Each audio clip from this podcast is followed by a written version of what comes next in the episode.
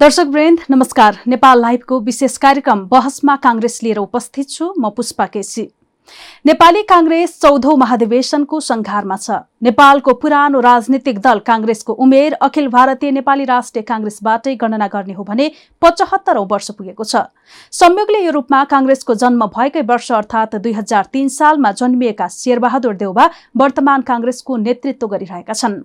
दुई हजार बहत्तर साल फागुनमा भएको तेह्रौं महाधिवेशनबाट काङ्ग्रेसको सभापति भएका देउबालाई समयमै महाधिवेशन गरेर काङ्ग्रेसको वैधानिकता जोगाउने दायित्व छ। त्यो मिति अन्तिम पल्ट सरेर भदौ सोह्र गतेदेखि उन्नाइस हुन पुगेको छ। महाधिवेशन सर्दै गएर भदौभित्र गर्नै पर्ने संवैधानिक बाध्यतामा परेको काङ्ग्रेसले यसपल्ट नेतृत्व परिवर्तनको औपचारिकता मात्रै पूरा गर्ने छैन। बाटो बिराउँदै गएको आरोप खेपिरहेको काङ्ग्रेसमाथि संकटको घडीमा गुजिरहेको लोकतन्त्र समेत जोगाउनु पर्ने अभिवारा आइलागेको छ।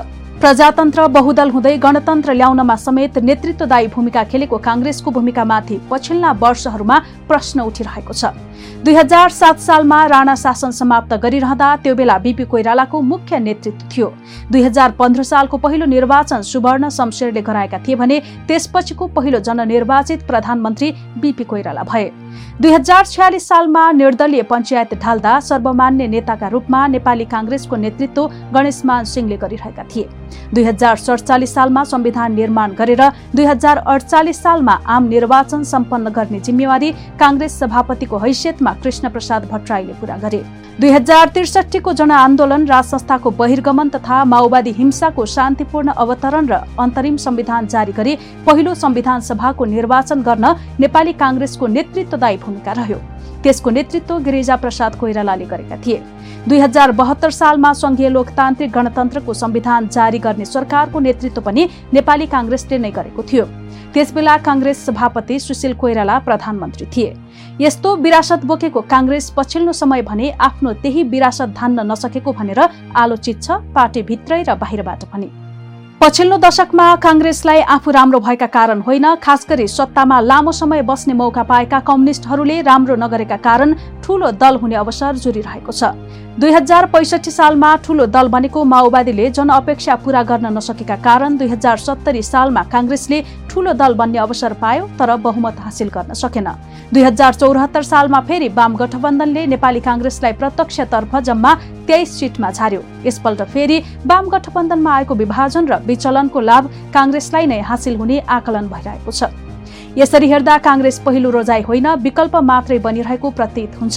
त्यसकारण पनि यसपालिको महाधिवेशनबाट चुनिने नेतृत्वले काङ्ग्रेसलाई यसबाट उम्काउने अपेक्षा आम काङ्ग्रेसनमा हुनु स्वाभाविक नै हो।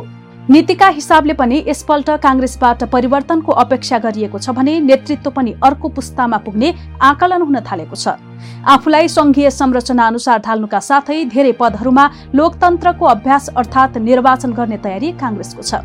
संरचनागत रूपमा यसपल्ट सभापति एक उपसभापति दुई महामन्त्री दुई निर्वाचित हुनेछन्। सहमहामन्त्रीहरूमा महिला आदिवासी जनजाति दलित मधेसी थारू खस आर्य मुस्लिम अल्पसंख्यक पिछडिएको क्षेत्रबाट एक एकजना निर्वाचित हुनेछन्।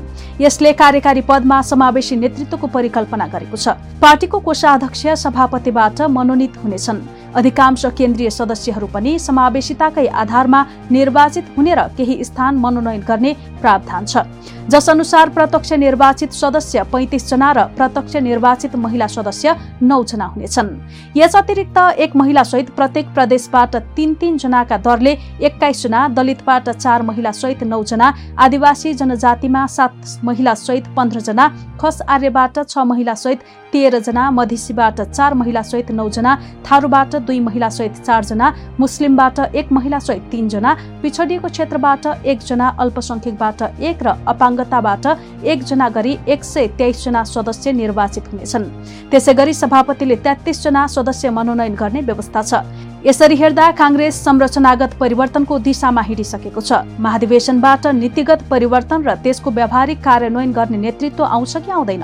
अबको कङ्ग्रेस कस्तो बन्ला अनि अबको काङ्ग्रेस कसको बन्ला? बहस सुरु भएको छ।